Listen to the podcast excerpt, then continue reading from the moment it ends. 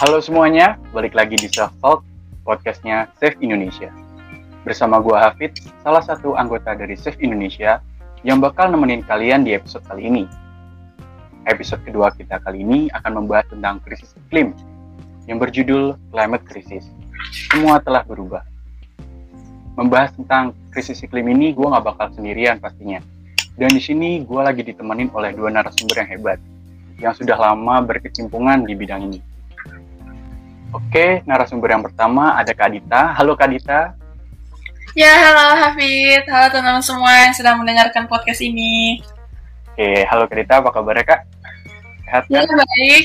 Alhamdulillah, sehat ya meskipun dalam kondisi sekarang lagi Ramadan, kemudian Covid gitu ya. Alhamdulillah baik. Alhamdulillah. Oke, narasumber yang kedua kita ada Kak Kia. Halo Kak Kia. Halo Hafid, halo teman-teman yang lagi mendengarkan podcast ini. Oke, kabarnya gimana nih Kak Kia?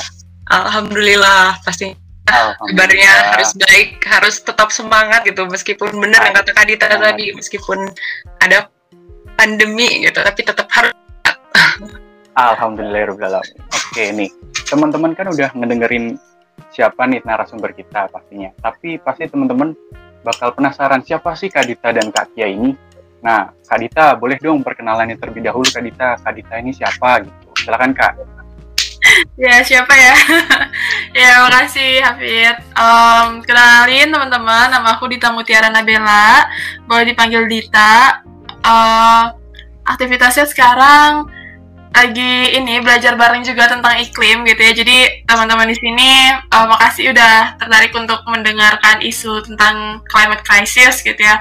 Aku juga sama teman-teman di komunitas lagi membangun uh, yang namanya cerita iklim gitu. Jadi itu dari tahun lalu terus sampai sekarang gitu. Jadi masih baru juga gitu kan karena uh, masih sama-sama belajar juga gitu. Terus uh, yang kedua aku juga lagi kerja gitu. Jadi lulus tahun 2019 dari biologi UI kemudian sekarang kerja juga masih di UI uh, eh, di pusat riset perubahan iklim ya atau Research Center for Climate Change. Di sana um, ya udah hampir sekitar dua tahun lah ya kerja di sana gitu. Terus apa lagi ya aktivitasnya? Udah sih paling itu aja kali ya maksudnya yang berkaitan sama iklim. Aku sekarang domisilinya di Bekasi kayak gitu. Salam kenal teman-teman semua. Oke salam kenal Kak Dita Tadi boleh tahu, kalau boleh tahu nih apa sih kak organisasinya kak dan Instagram nama Instagramnya itu apa tuh kak? Nama Instagram cerita iklim itu cerita titik iklim kayak gitu. Nanti teman-teman boleh di follow buat tahu lebih lanjut tentang uh, konten-konten uh, climate crisis. Oke, jangan lupa ya teman-teman follow cerita dot iklim. Iya. Jadi untuk nah sumber kedua ada Kak Kia, silakan Kak Kia boleh memperkenalkan diri. Oke, okay. Halo teman-teman semua, kenalin aku Nida Azkia. Biasanya dipanggilnya Kia. bukan kegiatan sekarang ini sebagai mahasiswa, masih mahasiswa di tingkat 3, tepatnya di semester 6, di uh, jurusan Meteorologi Institut Teknologi Bandung. Gitu. Terus kegiatan lainnya mungkin aku juga ikut berorganisasi dan ikut komunitas beberapa gitu. Wih, keren banget nih Kak. Teman-teman pasti udah mendengar dari latar belakang Kak Kia dan Kak Dita kan pastinya. Dan pasti bakal makin penasaran tentang diskusi kita tentang krisis eh, climate krisis ini. Jadi tanpa berlangsung lama lagi, kita bakal mulai diskusinya aja ya. Oke baik teman-teman, seperti yang kita udah tahu nih, sebentar lagi kita akan bertepatan dengan Hari Bumi, yaitu di tanggal 22 April 2021. Tentunya momentum seperti ini akan menjadi ajang kita untuk merefleksikan diri dan membuka kesadaran kita masing-masing akan pentingnya untuk menjaga bumi kita. Salah satu isu yang sangat krusial yang masih terus terjadi yaitu adalah isu tentang climate crisis yang sudah menjadi beban dan misi kita untuk mencarikan solusi yang terbaik. Menurut aku nih kak, climate crisis ini adalah sebuah permasalahan yang setiap harinya terus terjadi, entah itu semakin baik atau semakin buruk. Tapi menurut Kak Dita nih, eh, pandangan kakak tentang climate crisis itu seperti apa sih Kak? Oke, okay, makasih Hafid pertanyaannya. It's very interesting ya. Um, secara general gitu tentang climate crisis. Kenapa disebut krisis atau krisis gitu ya? Um, karena memang ini sudah emergency, udah urgent, penting dan perlu adanya tindakan uh, sesegera mungkin gitu ya. Dan perlunya masif juga karena uh, krisis iklim ini merupakan isu yang tidak terbataskan oleh apa ya geografi gitu ya, oleh wilayah gitu. Karena kita uh, se apa semua manusia gitu hidup di tempat yang sama gitu di bumi kita yang sama dan penyakitnya sama gitu bumi kita sama-sama sedang sakit gitu jadi uh, perlu adanya gerakan kolektif nah sebenarnya isu iklim ini uh, secara general merupakan isu yang multidisiplin.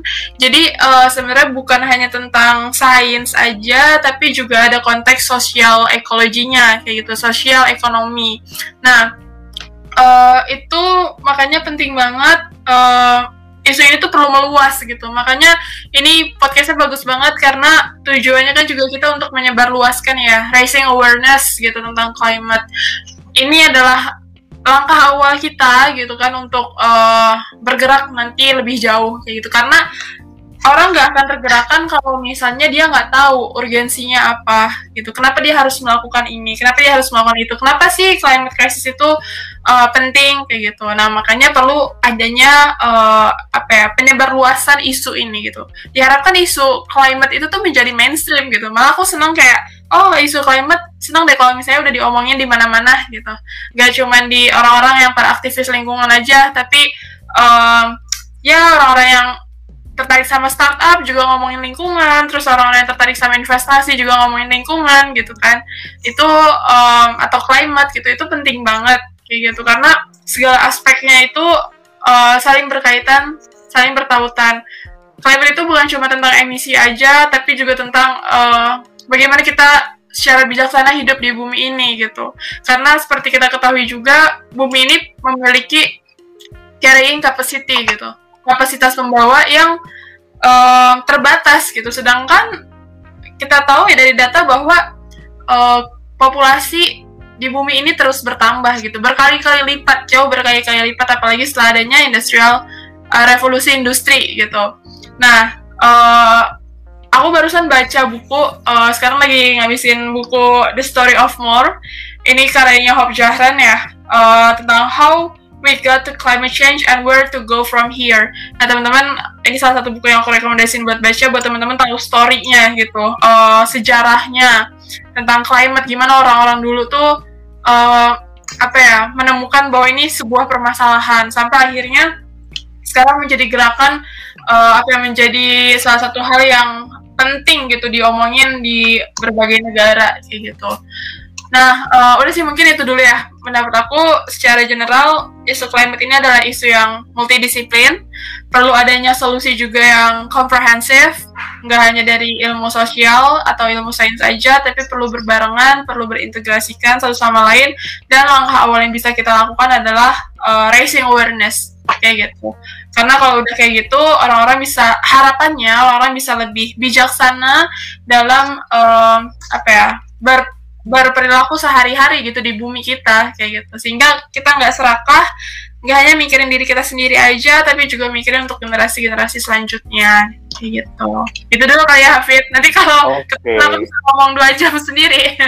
Keren banget deh pandangannya dari kak kita jadi uh, menurut Kak Dita itu salah satunya climate crisis yaitu adalah permasalahan semua orang yang di mana kalau orang tidak tahu dan orang tidak bakal peduli. Jadi baiknya kita bakal terus menyebarkan awareness atau pengetahuan tentang pentingnya climate crisis ini dan semakin banyak orang tahu akan semakin baik. Kalau menurut Kak Kia sendiri, pandangannya gimana Kak sebagai salah satu mahasiswi meteorologi Kak? Oke, terima kasih Hafiz. Wah, aku jadi bingung nih mau ngomong apa. Tadi udah semuanya sama Kak Dita, keren banget. Oke, mungkin menurut pandanganku tentang uh, krisis iklim ini apa ya? Nah, dari katanya dulu deh krisis bener banget tadi dari dari kata Kadita.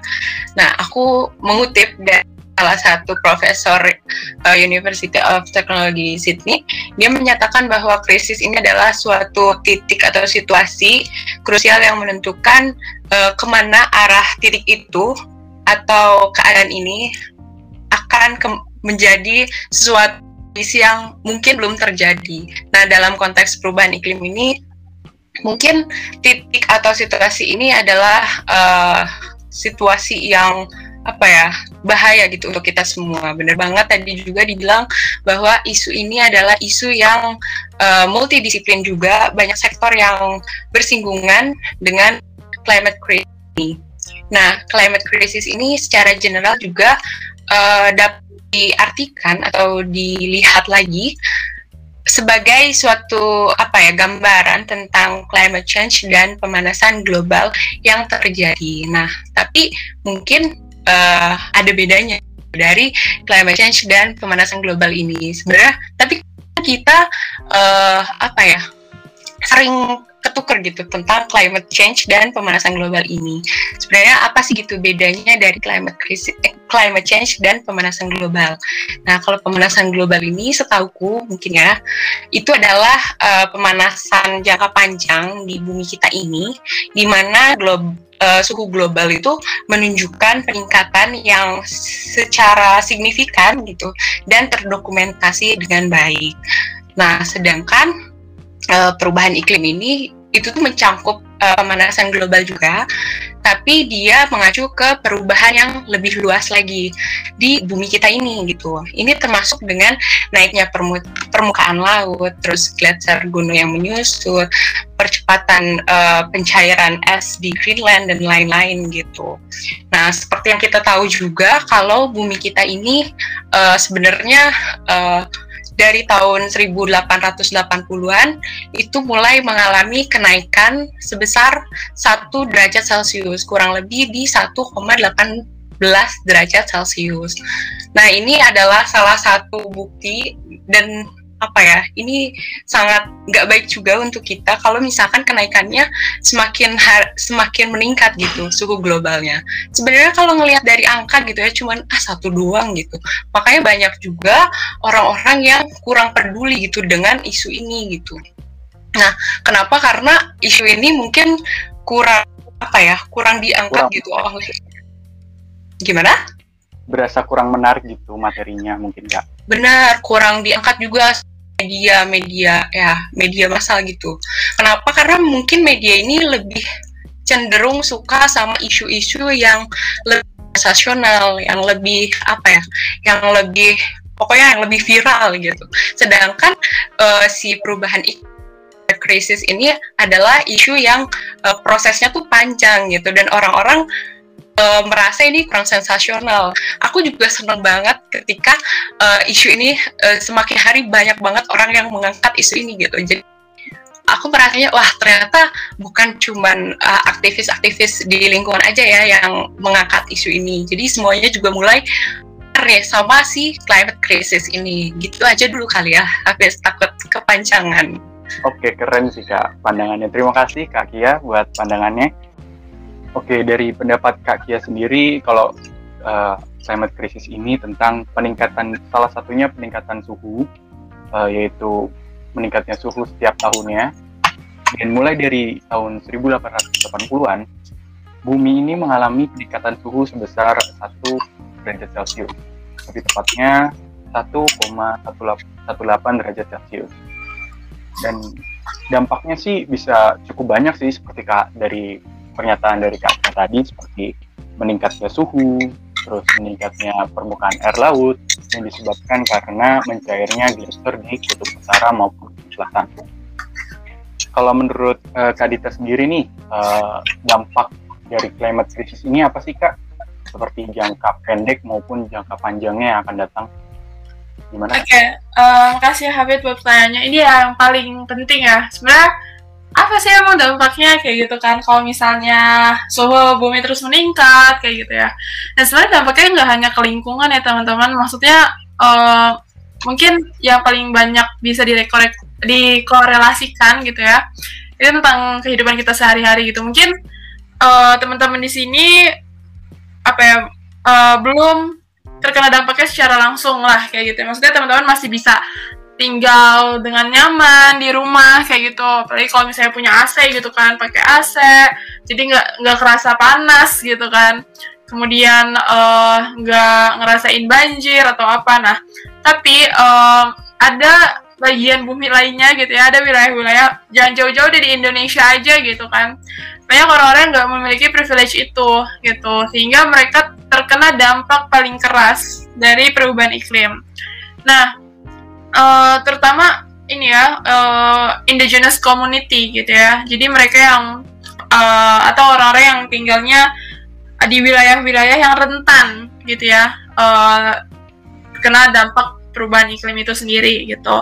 Nah itu yang paling kerasa. Kita lihat aja di Indonesia udah banyak gitu ya bencana-bencana, uh, uh, banjir, kemudian uh, apa namanya pertanian dari segi dari segi agriculture juga banyak yang uh, gagal gitu kan produktivitinya nggak maksimal.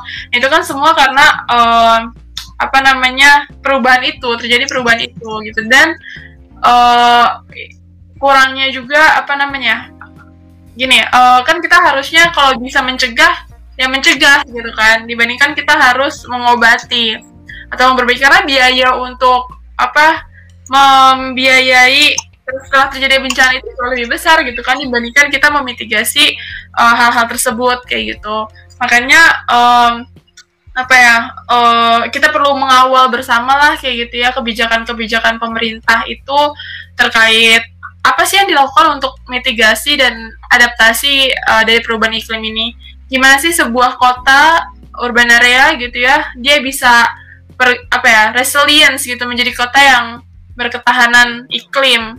Nah uh, itu yang perlu kita pelajari bareng-bareng, kita kawal bareng-bareng kebijakannya kayak gitu karena dampaknya itu uh, lebih kepada ya tadi uh, masyarakat masyarakat yang paling keras gitu uh, terkena dampaknya yaitu masyarakat indigenous gitu atau uh, community community misal kayak di gambut gitu ya lahan gambut ya udah orang-orang yang wilayah kena lahan gambut gitu kalau misalnya terjadi kebakaran hutan mereka yang paling terkena keras dampaknya yaitu dari segi kesehatan gitu kan dari segi lingkungan juga Nah, biaya kesehatan orang yang terkena penyakit karena kebakaran hutan kan jauh lebih besar gitu kan dibandingkan kita mencegah terjadinya kebakaran hutan itu sendiri gitu. Selain dari segi kesehatan, misal dari segi perekonomian. Nah, uh, sangat disayangkan sekali gitu ya masyarakat yang biodiversity-nya tinggi, uh, contoh dari tanah Papua kayak gitu ya. Uh, dia tingkat biodiversitasnya tuh paling kaya loh di dunia dia itu ya berdasarkan jurnal Nature gitu the richest world of the biodiversity gitu ya. Nah, tapi sayangnya kalau misalnya kita lihat datanya ya, bahkan uh, Papua dan Papua Barat gitu, provinsi Papua bahkan masih menjadi provinsi paling miskin kayak gitu. Itu kan apa ya, kayak sangat kontradiktif gitu. Uh, dia kaya akan sumber daya alam gitu ya, tapi sayangnya kenapa uh, masyarakatnya masih miskin. Nah, itu yang perlu menjadi concern bersama gitu ya, khususnya kepada pemangku kebijakan baik pemerintah pusat maupun pemerintah daerah kayak gitu. Contoh kasus lainnya misal uh, sawit ya. Nah, sawit ini kan Indonesia menjadi produsen terbesar gitu di Indonesia. Tapi sayangnya uh, apakah itu berkorelasi dengan tingkat kesejahteraan smallholdernya, petani kecilnya kayak gitu. Apakah yang kaya hanya orang-orang tertentu saja gitu kan? Uh, jadi perlu dilihat juga aspek uh, sosialnya selain tentunya uh, keberlanjutan dari tanaman sawit itu sendiri ya nah itu uh, beberapa case uh, dampak dari uh, perubahan iklim yang mencakup segala aspek kehidupan kita kayak gitu sih makanya agak gregetan gitu ya dengan isu uh, climate crisis kalau misalnya nggak nggak dibawa serius kayak gitu gitu Hafid Oke baik, jadi isu yang sangat besar namun disepelekan ya kak ya. Oke, menurut Kak Kia sendiri uh, dampaknya itu apa sih Kak uh, dampak dari climate crisis ini di jangka pendek maupun jangka panjang? Oke, makasih Hafiz. Mungkin aku mau bahas secara general dulu. Kalau dampak dari climate crisis ini bisa yang tadi juga di awal kita udah bahas kan kalau ini tuh multidisiplin gitu kan artinya banyak sektor yang saling bersinggungan nah salah satunya itu kayak bidang kesehatan juga mungkin uh, dengan adanya perubahan iklim itu memicu penyakit uh, berbasis lingkungan tuh semakin mewabah gitu. Salah satunya itu DBD, terus malaria dan lain-lain gitu. Bidang lainnya itu uh, spesies atau habitat yang mungkin semakin hari semakin punah karena adanya perubahan iklim. Karena mereka mungkin belum bisa beradaptasi dengan baik. Kemudian bidang lainnya ada di bidang sumber daya air. Ini salah satu contohnya kualitas air minum juga bisa menurun gitu dan itu juga berdampak itu ke kita karena kita bagaimanapun kita butuh air gitu, bukan air buat diminum aja tapi air untuk kesehatan kehidupan sehari-hari itu bisa menyebabkan kualitas air di kita ini semakin menurun. Kemudian e, mungkin di bidang kehutanan dan bidang pertanian juga ini berdampak juga. Tadi juga udah dibahas sedikit sama Kadita tentang pertanian yang mungkin luas pertanian di kita ini bakalan berkurang dan e, produktivitas lahan pertaniannya juga menurun. Serta kalau di kehutanan kebakaran hutan itu mudah lebih mudah lagi terjadi gitu. Dan itu berdampak lagi ke kesehatan yang ada di dekat hutan tersebut gitu. Nah, salah satu contoh contoh dampak uh, climate crisis uh, di akhir-akhir ini uh, tepatnya di kalau nggak salah di bulan April kan ada salah satu badai siklon Seroja ya pernah dengar nggak Hafiz atau Kadita siklon Seroja iya nah, Nah, itu juga kan melanda nih Kak di uh, Nusa Tenggara Timur dan Nusa Tenggara Barat bahkan ke negara tetangga timur kayak gitu. Nah, itu tuh siklon ini tuh uh, kalau nggak salah memicu adanya banjir besar dan uh, longsor gitu. Dan bahkan kan sedikitnya sekitar 113 orang gitu jiwa gitu. Nah, ini adalah salah satu bukti climate crisis ini gitu dan berdampak untuk kita semua sebagai manusia. Nah, kenapa sih uh, badai seroja ini eh siklon seroja ini ada gitu. Nah, salah satu akibat eh, salah satu faktornya itu adalah dengan uh, hangat di suhu muka lautnya itu semakin hangat di wilayah Samudra Hindia bahkan mencapai uh, lebih dari 26 derajat sampai 29 derajat Celcius. Nah, selain di lautan atau di permukaan laut, suhu udara lapisan atmosfer menengah ada 500 milibar juga semakin hangat lebih dari 7 derajat Celcius. Nah, hal ini meningkatkan kelembaban udara dan juga mengakibatkan naiknya tekanan udara sehingga seroja ini terjadi gitu dan tadi menewaskan banyak orang gitu. Nah, sebenarnya yang tadi juga udah dibahas kan tentang kenaikan kenaikan suhu gitu, kenaikan rata-rata suhu global gitu. Nah ini aku uh, kutip dari salah satu webinar yang pernah aku ikutin di IPB kalau nggak salah. Uh, narasumbernya tuh bilang kalau misalkan kenaikan satu derajat uh, di uh, permukaan bumi kita ini dapat mengakibatkan mencairnya es dan membahayakan eksistensi sejumlah satwa. Dan ini sudah mulai terjadi di kehidupan sekarang gitu di mana uh, tahun di kita ini semakin semakin tahun tuh semakin panas gitu.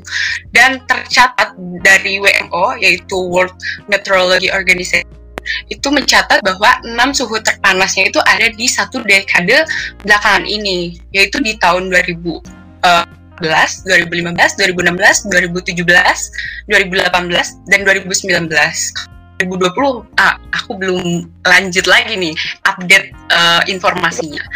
Nah, Baru ya, kemudian, ya, mm, benar. Nah, kemudian 2 derajat Celcius ini dapat melenyapkan 40% hutan hujan yang berakibat uh, pada menipisnya cadangan makanan hewan. Ini juga sama sama berbahaya gitu. Nah, kalau menaiknya 3 derajat Celcius, nah pohon-pohon ini tidak sanggup lagi menahan karbon dioksida dan kota besar mulai dipenuhi banyak sekali polusi.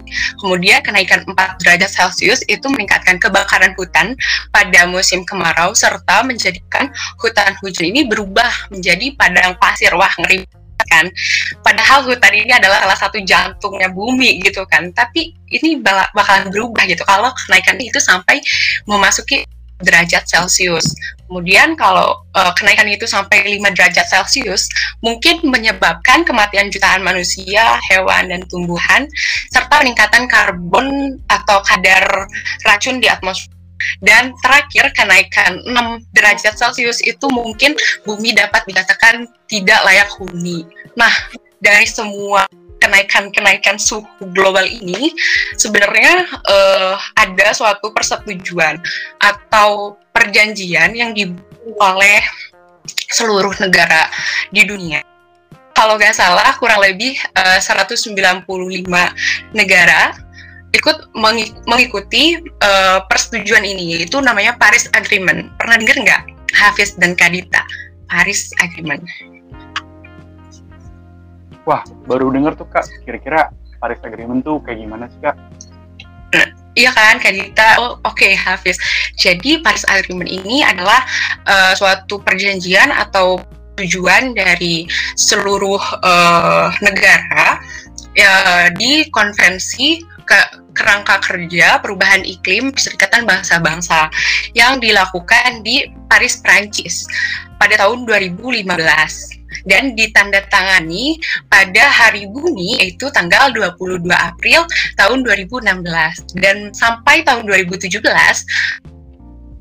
194 negara yang menandatangani persetujuan ini termasuk Indonesia gitu. Jadi ini adalah salah satu yang menekan salah satu yang apa ya yang menekan agar emisi karbon yang kita hasilkan ini jangan apa ya jangan berlebihan dan jangan sampai uh, apa ya suhu global ini menaik sampai 2 derajat Celcius di uh, abad ke di tahun ke 2100 gitu kurang lebih. Oh keren banget nih pandangan dari Kak Kia tentang dampak climate crisis. Uh, kita bisa lanjut ke dari penyebabnya deh. Oke untuk selanjutnya ada penyebabnya nih kira-kira climate crisis itu disebabkan karena apa sih? Uh, buat Kak Dita boleh menyampaikan argumennya. Uh, mungkin memang uh, ada uh, perubahan iklim gitu ya perubahan iklim itu ada kontribusinya juga karena memang alam berubah kayak gitu kan tapi itu sebagian kecil gitu yang justru proporsinya jauh lebih besar gitu ya lebih dari 90% 80-90% itu adalah aktivitas manusia gitu uh, tadi anthropogenic aktivitas manusia yang itu aktivitasnya macam-macam kayak gitu kan uh, yang pada intinya bergabung menjadi uh, pengeluaran emisi berlebih. Karena kalau bisa kita lihat datanya, pelonjakan emisi paling drastis itu ketika terjadi revolusi industri. Itu kan, di mana semuanya itu pakai mesin, otomotif yang mengeluarkan uh, emisi gitu. Jadi pelonjakan, kemudian suhu bumi makin meningkat, ada korelasi juga dengan tadi yang udah disebutin ya dampak-dampak yang lainnya juga. Nah, uh, itu penyebabnya. Oleh karena itu, uh, karena penyebabnya adalah kegiatan manusia gitu ya makanya ada ide uh, ya pokoknya ini sebuah debat yang menarik ya uh, tentang istilah degrowth uh, jadi kan jadi kan keberhasilan suatu negara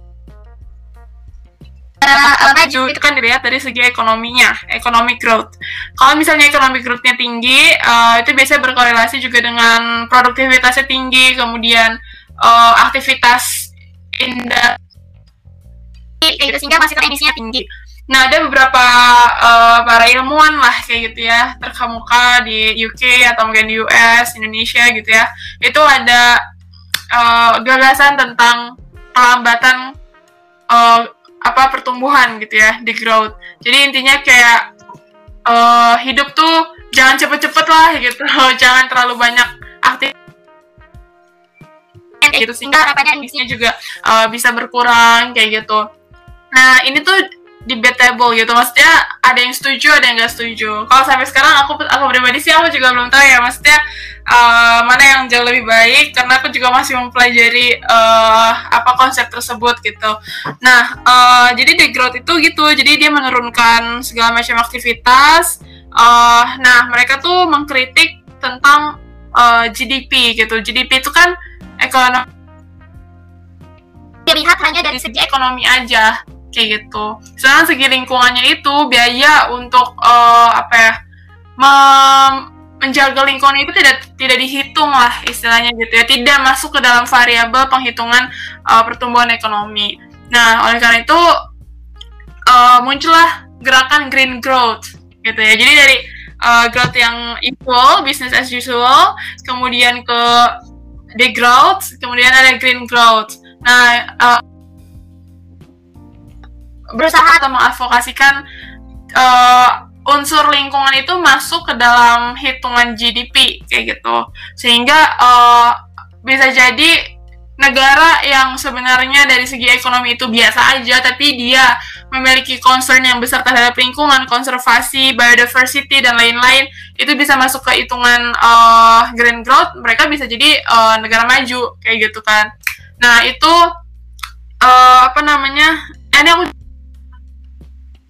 penyebabnya. Tadi penyebabnya itu karena uh, pertumbuhan industri, kemudian akhirnya muncul berbagai macam pemikiran ada pemikiran growth uh, as usual, business as usual, kemudian the growth, green growth. Nah, ini menarik banget buat kita pelajarin ya. Sebenarnya kalau uh, Indonesia itu sekarang kondisinya seperti apa dan dan apa ide yang baik untuk Indonesia ke depannya? Kayak gitu.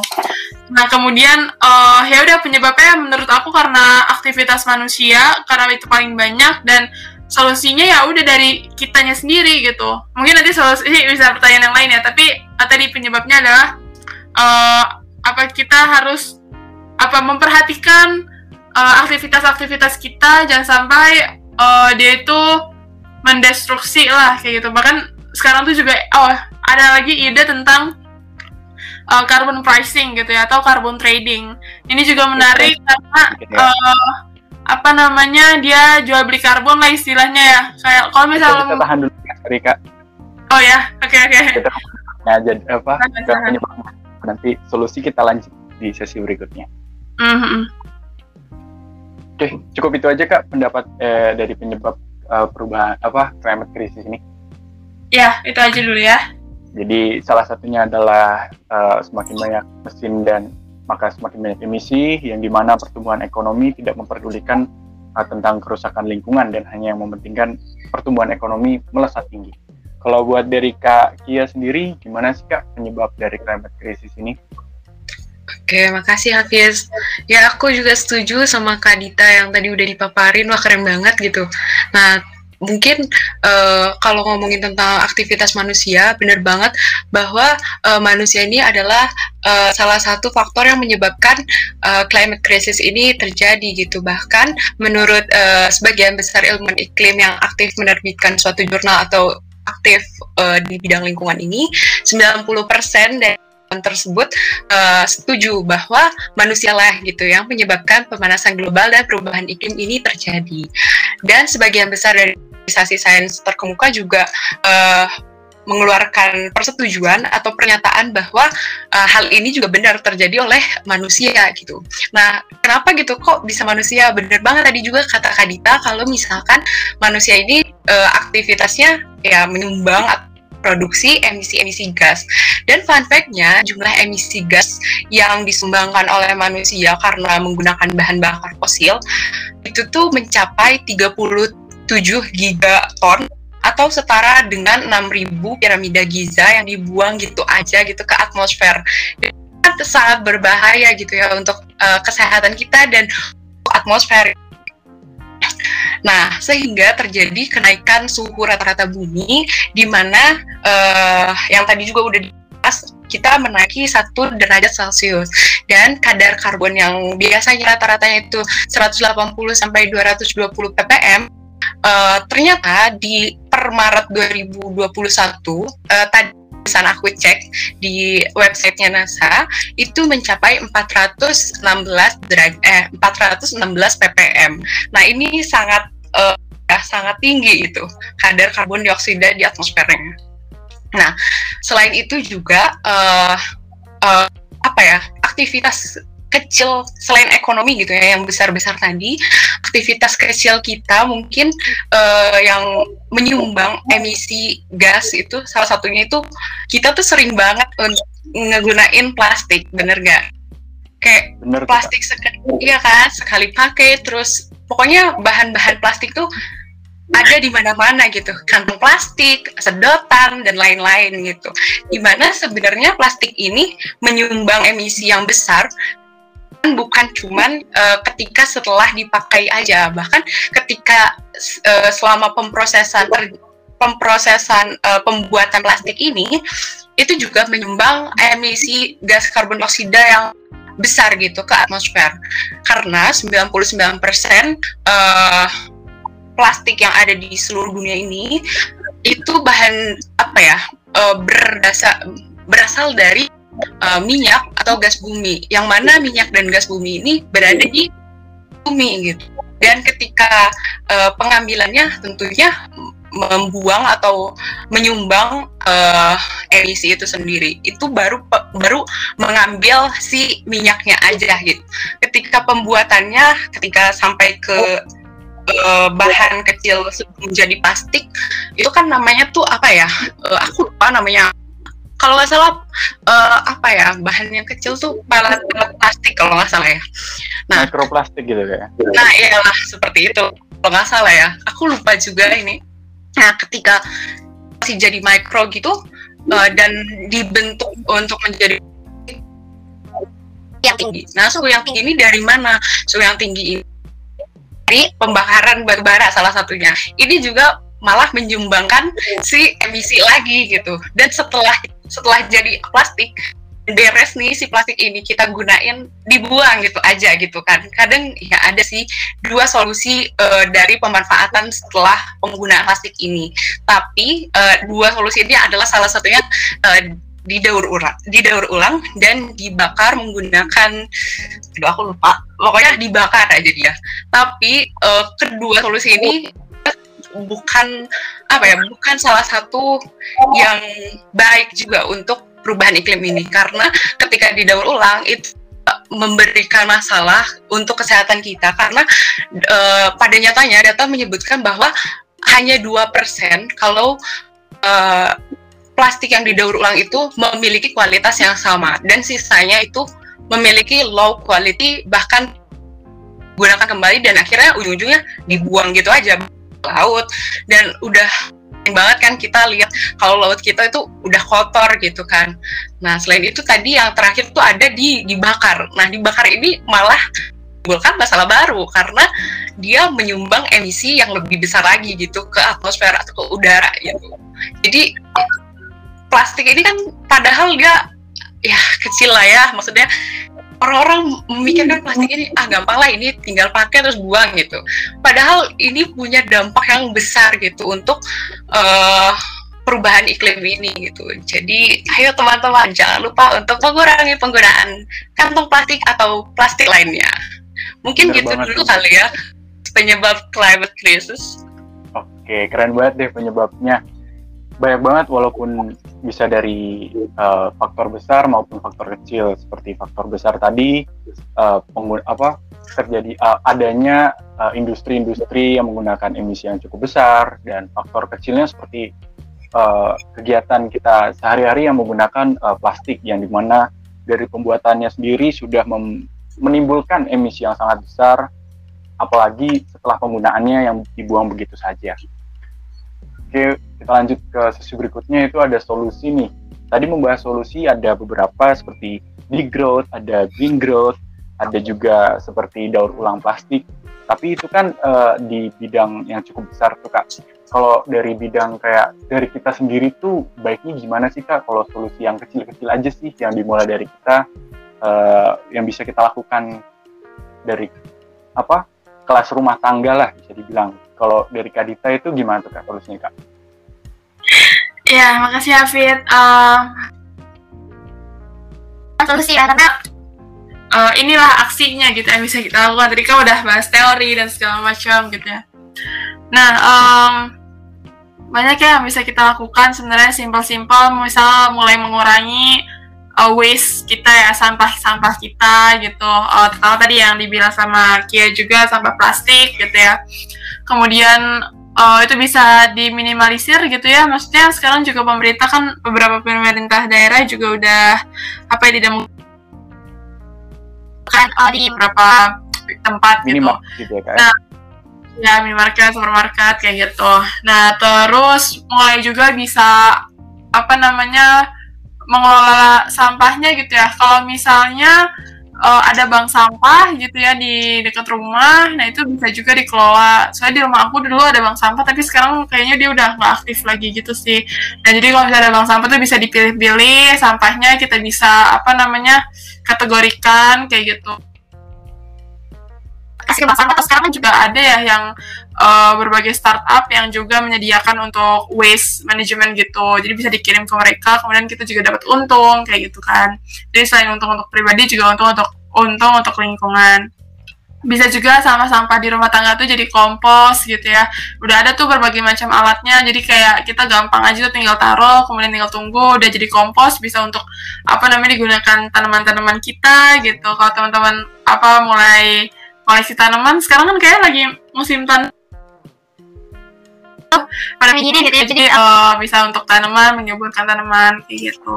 Kemudian mulai mengurangi uh, penggunaan listrik kayak gitu ya. Bisa nggak bisa kita pungkiri juga ya bahwa uh, kita Indonesia tuh masih bergantung ke fossil fuel gitu ya. Uh, jadi ya listrik itu perlu kita kurangi juga atau mungkin bisa beralih gitu ya ke renewable energy juga dikit-dikit kalau misalnya teman-teman udah apa ya uh, bisa kayak gitu ya udah mulai beralih ke renewable energy. Dalam skop uh, rumah kayak gitu rumah tangga gitu. Kemudian um, dan yang menurut aku paling penting adalah memiliki mindset bahwa kita ini sedang krisis iklim kayak gitu ya. Jadi uh, teman-teman memiliki curiosity lebih untuk uh, mengetahui tentang krisis iklim sehingga mau baca atau mau mendengarkan isu-isu terkait iklim gitu. Sebenarnya di mana teman-teman nggak harus jadi expert kayak gitu nggak harus jadi expert expert climate gitu tapi uh, silakan menjadi expert masing-masing sesuai passions dan keinginan teman-teman tapi pahami semoga teman-teman punya mindset tadi tentang lingkungan, tentang climate sehingga misal teman-teman jadi direktur di perusahaan A, tapi teman-teman juga uh, apa memikirkan dampak lingkungannya itu seperti apa dengan mendirikan perusahaan tersebut kayak gitu. Nah itu kan uh, perlu adanya mindset seperti itu. Itu sih menurut aku uh, solusi-solusinya. Kalau misalnya bisa gerak bareng-bareng tuh dari segi individu-individu, uh, insya Allah apa namanya hasilnya juga makin besar gitu ya. Tapi alangkah lebih baik lagi kalau misalnya ini juga disupport oleh kebijakan yang relevan gitu, kebijakan yang pas sehingga kalau udah kebijakan kan kayak semua orang harus mau nggak mau bergerak gitu ya. Kalau misalnya kita lihat di negara maju kan mereka misal Jepang pengelolaan plastiknya udah bagus gitu kan. Kemudian kita lihat negara lain ada yang bahkan uh, apa sangat mendukung untuk mengurangi kendaraan kayak gitu transport pribadi gitu ya. Sehingga mereka lebih memilih transport umum kayak gitu sih. Jadi uh, perlu adanya intervensi kebijakan juga gitu. Nah itu kan skopnya lebih luas gitu ya. Tapi kalau misal misalnya skop individu tadi yang bisa teman-teman lakukan. Itu oke keren banget nih kak solusi dari kak Dita kalau buat uh, kak Kia sendiri solusi buat kita kita nih gimana sih kak boleh deh kak. Oke, okay. mungkin uh, sebagian besar udah disampaikan nih sama Kak Dita dan mungkin aku apa ya bingung juga nih mau apa lagi gitu. Tapi sebenarnya bener banget kita harus punya mindset tentang uh, climate crisis ini tuh ada gitu loh teman-teman karena bagaimanapun ini berdampak untuk kita semua sebagai manusia dan tentu uh, untuk bumi kita ini gitu. Nah kita bisa nih mengurangi uh, plastik-plastik tadi dengan cara menggunakan uh, apa ya sesuatu yang bisa dipakai terus menerus gitu. Terus juga kita bisa menggunakan uh, bahan bakar uh, kendaraan yang mungkin lebih energi.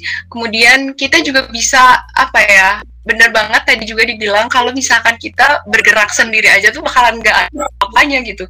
Tapi kita harus sama-sama mendukung satu sama lain dan bahkan harus sebenarnya harus ada kebijakan dari ya dari atas atas gitu. Kalau kebijakan ya mau nggak mau semuanya ikut gitu kalau misalkan ngomongin tra tentang transport umur umum juga sebenarnya ini uh, salah satu pengurangan emisi ketika kita menggunakan transport umum. Tapi uh, mungkin sebagian besar dari kita masih menganggap bahwa dan emang terjadinya kayak gitu gitu ya. Transport umum di kita ini masih apa ya masih uh, keamanannya masih kurang gitu. Mungkin dan ini juga adalah uh, harus kita bangun bareng-bareng biar ya kita menciptakan sesuatu yang kitanya nyaman, kitanya aman, dan kitanya juga selamat gitu dan menyelamatkan bumi ini.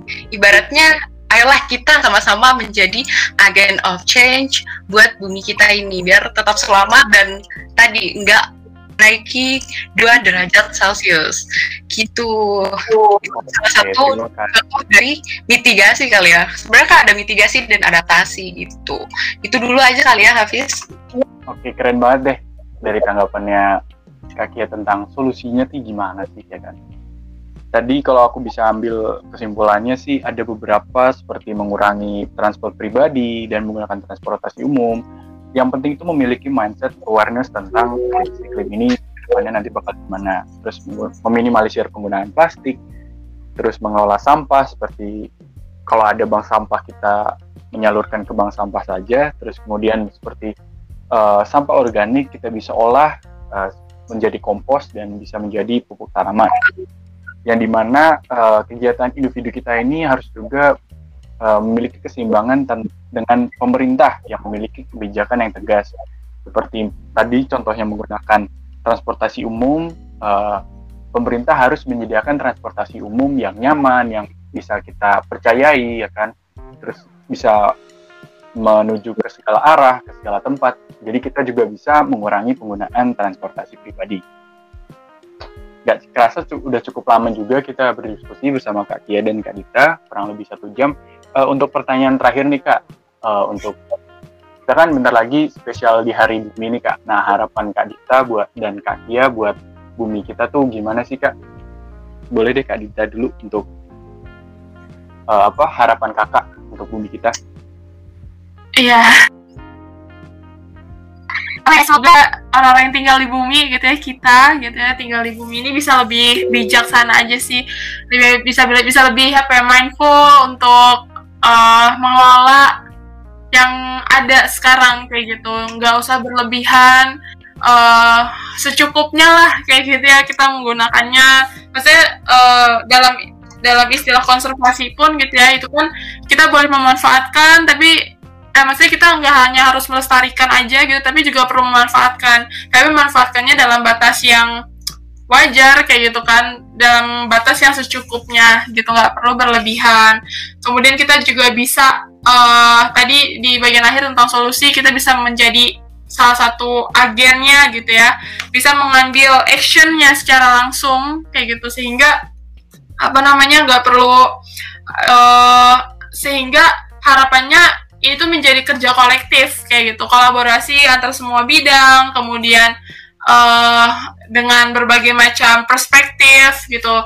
Sehingga harapannya bumi ini bisa apa ya bisa menopang gitu lah ya uh, untuk kehidupan kita gitu. Karena alam itu merupakan aset yang paling berharga gitu sih. Kita nafas dari alam gitu kita bisa makan dari alam gitu. Kalau misalnya alamnya sakit ya kita juga kemungkinan bakal kolaps juga gitu kan. Jadi aku berharap um, tadi memiliki mindset tentang nature dan climate gitu ya sehingga uh, di mana pun teman-teman berkontribusi kita bisa sama-sama uh, bergandengan tangan gitu ya untuk uh, menjaga bumi kita gitu. Ih, keren banget ya kak. Semoga harapannya bisa terwujud. Amin ya robbal alamin. Dan buat kak Kia sendiri harapannya gimana nih kak? buat bumi kita ke depannya.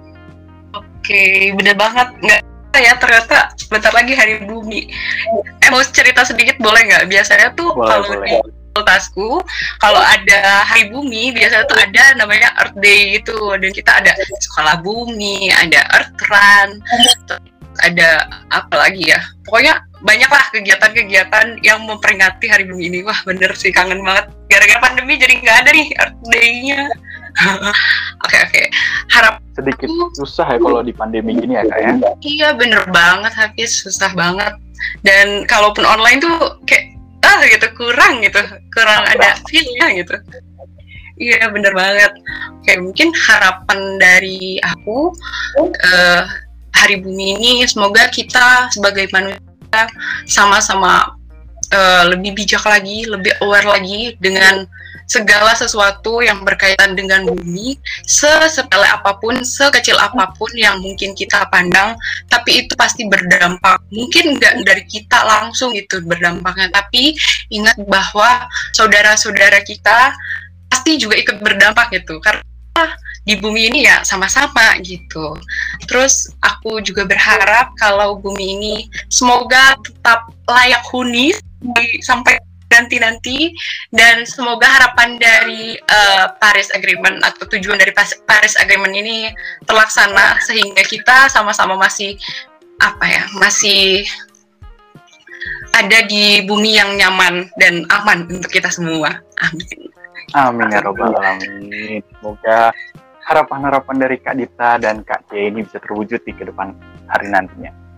Oke, berhubung tadi kan pertanyaan terakhir, uh, kayaknya kita cukupin aja deh kita udah diskusi cukup banyak dari pendapat Kak Dita dan Kak Kia tentang climate krisis seperti uh, peningkatan suhu, terus mengalami uh, peningkatan uh, permukaan air laut, terus itu juga menjadi uh, permasalahan multidisiplin yang di mana uh, semua manusia itu berdampak dan memiliki uh, tanggung jawab untuk menjaga bumi kita yang di mana uh, kalau orang-orang nggak tahu orang nggak bakal peduli tentang uh, climate crisis ini. Jadi salah satu aksi yang bisa kita lakukan adalah menyebar awareness tentang uh, climate crisis ini kepada teman-teman kita pada keluarga kita tentang pentingnya tentang apa krisis iklim seperti ini.